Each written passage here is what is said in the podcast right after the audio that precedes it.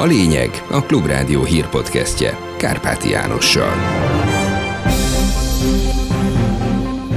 Köszöntöm a hallgatókat. Főbb híreink először röviden. Az átlagbérek továbbra is nőnek, de a rekordmagas infláció miatt zuhannak a reálkeresetek. Márciusban csak nem 7%-os volt a reálbérek visszaesése. Nem kaptak szót a civil szakértők a Pintér Sándorral lezajlott találkozón hitelt vesz fel a Budapesti Közlekedési Központ a városvezetés által meghirdetett túlélő program részeként. Próbálunk külső finanszírozási forráshoz jutni, ezért a BKK felvesz egy áthidaló hitelt a nyári hónapokra 24 milliárd forint értékbe. 25-27 fok várható csütörtökön.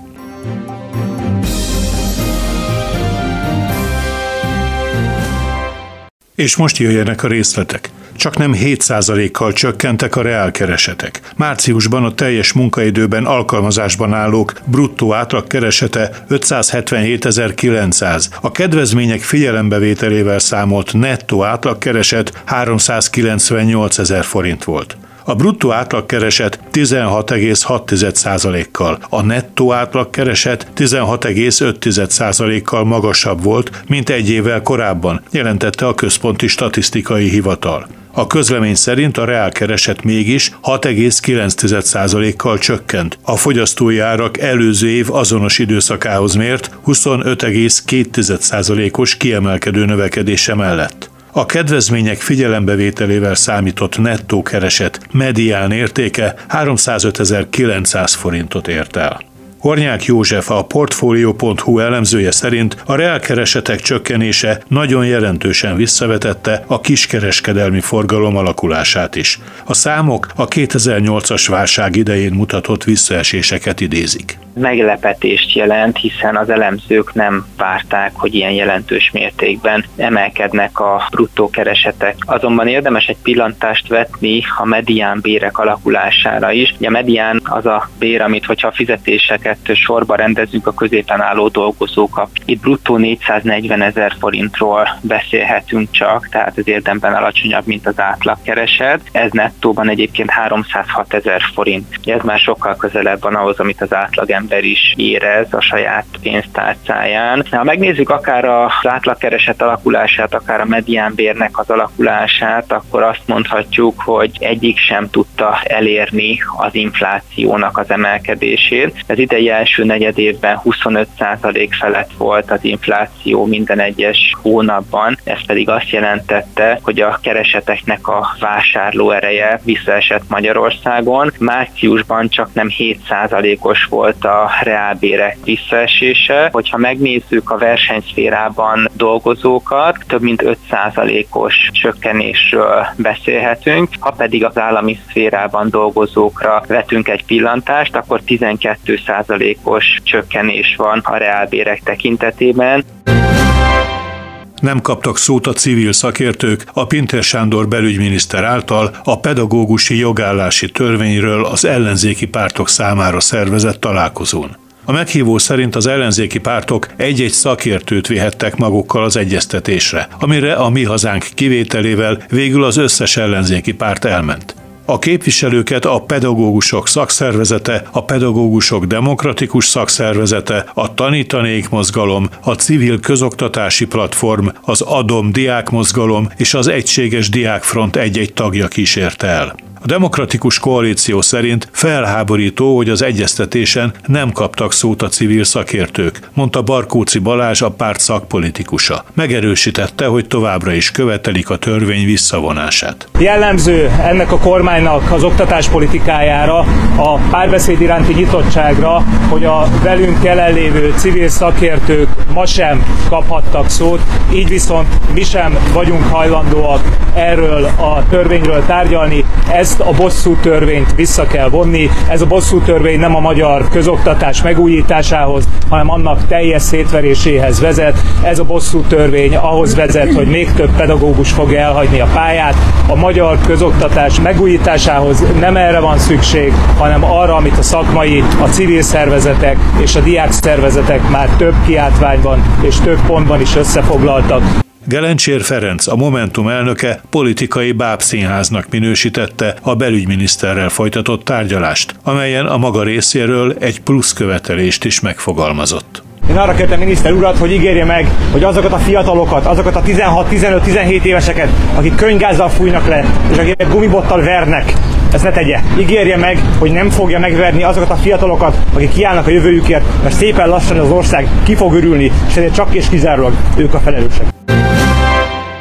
24 milliárd forintos hitelt vesz fel a Budapesti Közlekedési Központ a városvezetés által meghirdetett túlélő program részeként, miután a fővárosi közgyűlés jóváhagyta a társaság és a KH Bank közötti megállapodás megkötését. A hitelfelvételről szóló Kis Ambrus főpolgármester helyettes által jegyzett előterjesztést 17 igennel, két nem szavazat ellenében, 9 tartózkodás mellett fogadta el a testület. A döntéssel biztosítható a BKK likviditása június és szeptember között. A hitelt szeptember 18-ig kell visszafizetni. A hitelfelvétel költségeit és kamatait energia megtakarításból, illetve a Budapest 150 program költségvetéséből kell elvenni, mondta Kisambrus. Arra is kitért, hogy a hónap végén beperlik a kormányt, mert szerintük a szolidaritási hozzájárulás túlzott elvonás, ami ütközik az önkormányzati kartával, és elvonja a fővárosi önkormányzat forrásait. Ugye a szolidaritási hozzájárulás kapcsán jeleztük, hogy ez egy igazságtalan helyzet, hiszen miről van szó? Többet fizetünk be 25 milliárd forinttal, mint amit normatív támogatásként kapunk az államtól. Egyetlen egy kerület, egyetlen egy megyei város sem jár így. Mit tudunk tenni? Azon kívül, amit már a múlt alkalommal elfogadtunk, nyilván próbálunk külső finanszírozási forráshoz jutni, ezért a BKK felvesz egy áthidaló hitelt a nyári hónapokra 24 milliárd forint értékbe. Ennek brutális kamata van. Ennek a kamata 673 millió forint csak erre a pár hónapra, amely forrást elő kell teremtenünk. Az egy harmadát nagyságrendileg a takarékos működés miatti rezsi megtakarításokból forgatjuk át, másik két harmadát pedig a közös születésnapunk a Budapest 150 megünnepléséből kénytelenek vagyunk elvenni. Alkalmatlan az Orbán kormány az EU tanácsának soros elnöki tisztségére. Így foglalhat állást az Európai Parlament a népszava értesülése szerint. Következő plenáris ülésén az Európai Parlament állásfoglalást készül elfogadni a magyarországi jogállamiság helyzetéről és a befagyasztott uniós forrásokról. A laphoz eljutott öt párti határozat tervezete megkérdőjelezi azt is, hogy Magyarország képes lesz-e hitelesen ellátni 2024-ben az EU tanácsának soros elnöki elnöki tisztségét. Az egyelőre nem végleges szövegben azt írják, hogy az EP tavaly szeptemberi határozatának elfogadása óta tovább romlott a jogállamiság és az alapvető jogok helyzete Magyarországon. A példák közt említik a tanárok jogállásának, szociális és munkajogainak korlátozását, de kifogásolják többek közt az egyes vállalatok üzleti érdekeit veszélyeztető döntéseket, a versenytársakat hátrányba hozó diszkriminációt, a megfélemlítési módszereket, amelyeket a miniszterelnökhöz kötődő személyek alkalmaznak.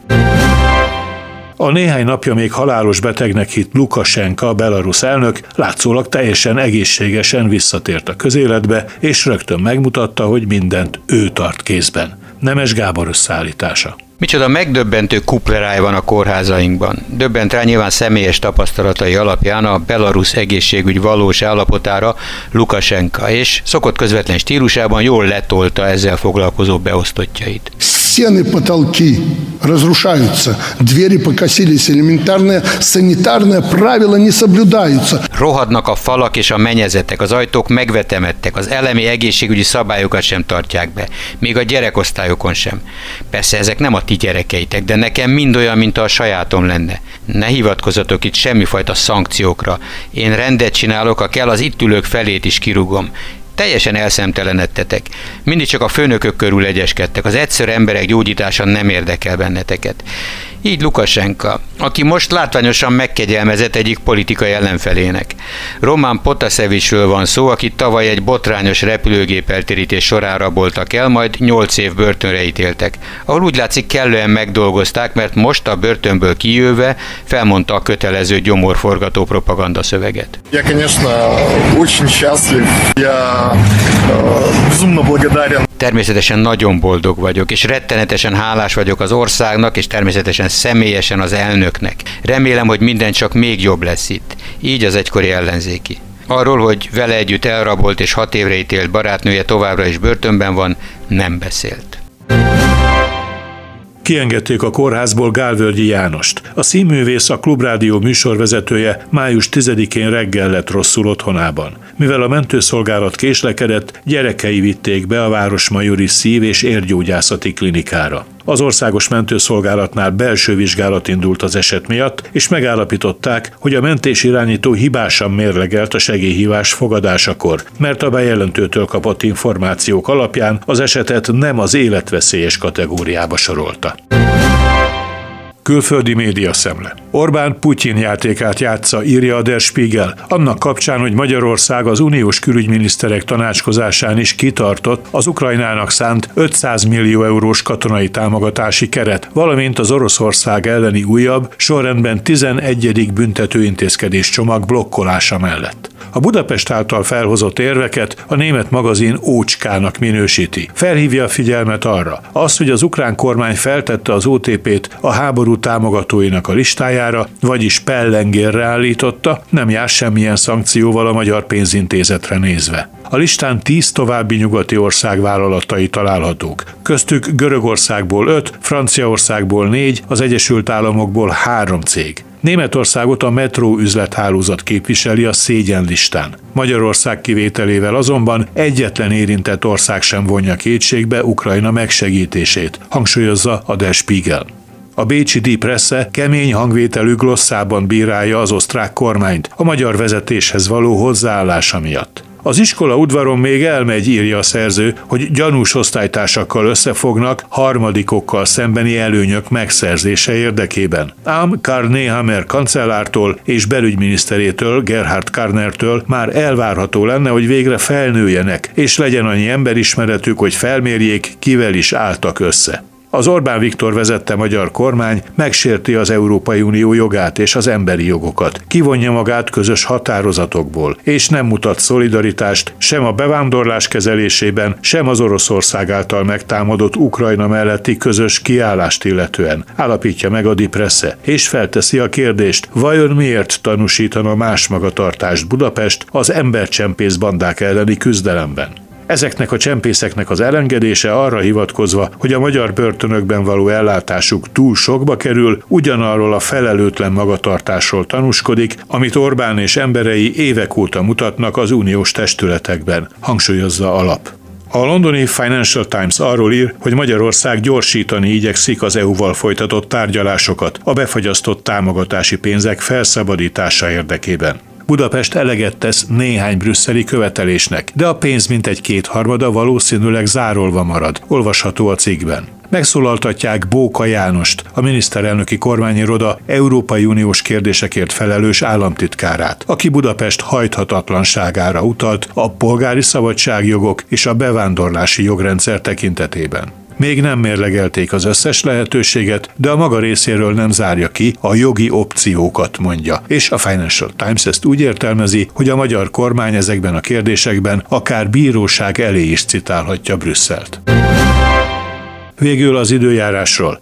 Szerdán még elsősorban a Dunától keletre kialakulhatnak záporok, zivatarok. Csütörtökön napos, gomoly felhős idő valószínű. A legalacsonyabb éjszakai hőmérséklet 9 és 15. A legmagasabb nappali hőmérséklet csütörtökön 25 és 27 fok között alakul. Budapesten 26 fok várható. Kárpáti Jánost hallották. Köszönöm a figyelmüket. Ez volt a lényeg. A Klubrádió hírpodcastjét hallották.